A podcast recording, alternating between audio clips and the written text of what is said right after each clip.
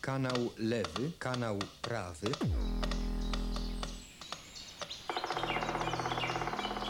Punkt słyszenia. Dźwiękowe spotkanie z łazikiem gawędziarzem.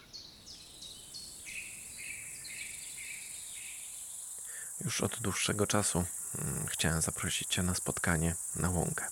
Po to, żeby posłuchać, jak łąka brzmi. No jest tam cała masa owadów, która śpiewa, brzęczy i wydaje różne odgłosy. No i ciągle jakoś tak, a to pora nie ta, a to pogoda nie taka, a to za blisko drogi, a tam trzeba za daleko dojechać. No ale w końcu trafiłem na taką łąkę, na której możemy chwilę posiedzieć i wsłuchać w te odgłosy. Pora jest odpowiednia. Słońce powoli zaczyna chylić się ku zachodowi. I co prawda jest tu obok droga i przejeżdżają co jakiś czas jakieś samochody, ale nie przeszkadzają aż tak. Dzisiaj trudno znaleźć jakieś miejsce takie, żeby nie było słychać żadnych cywilizacyjnych odgłosów. Zawsze gdzieś słychać jakieś samochody czy latające gdzieś wysoko lub niżej samoloty. Ale nieważne, skupmy się na tej łące. Ja sobie już tradycyjnie odejdę, a ty posiedź i wsłuchaj się w odgłosy łąki.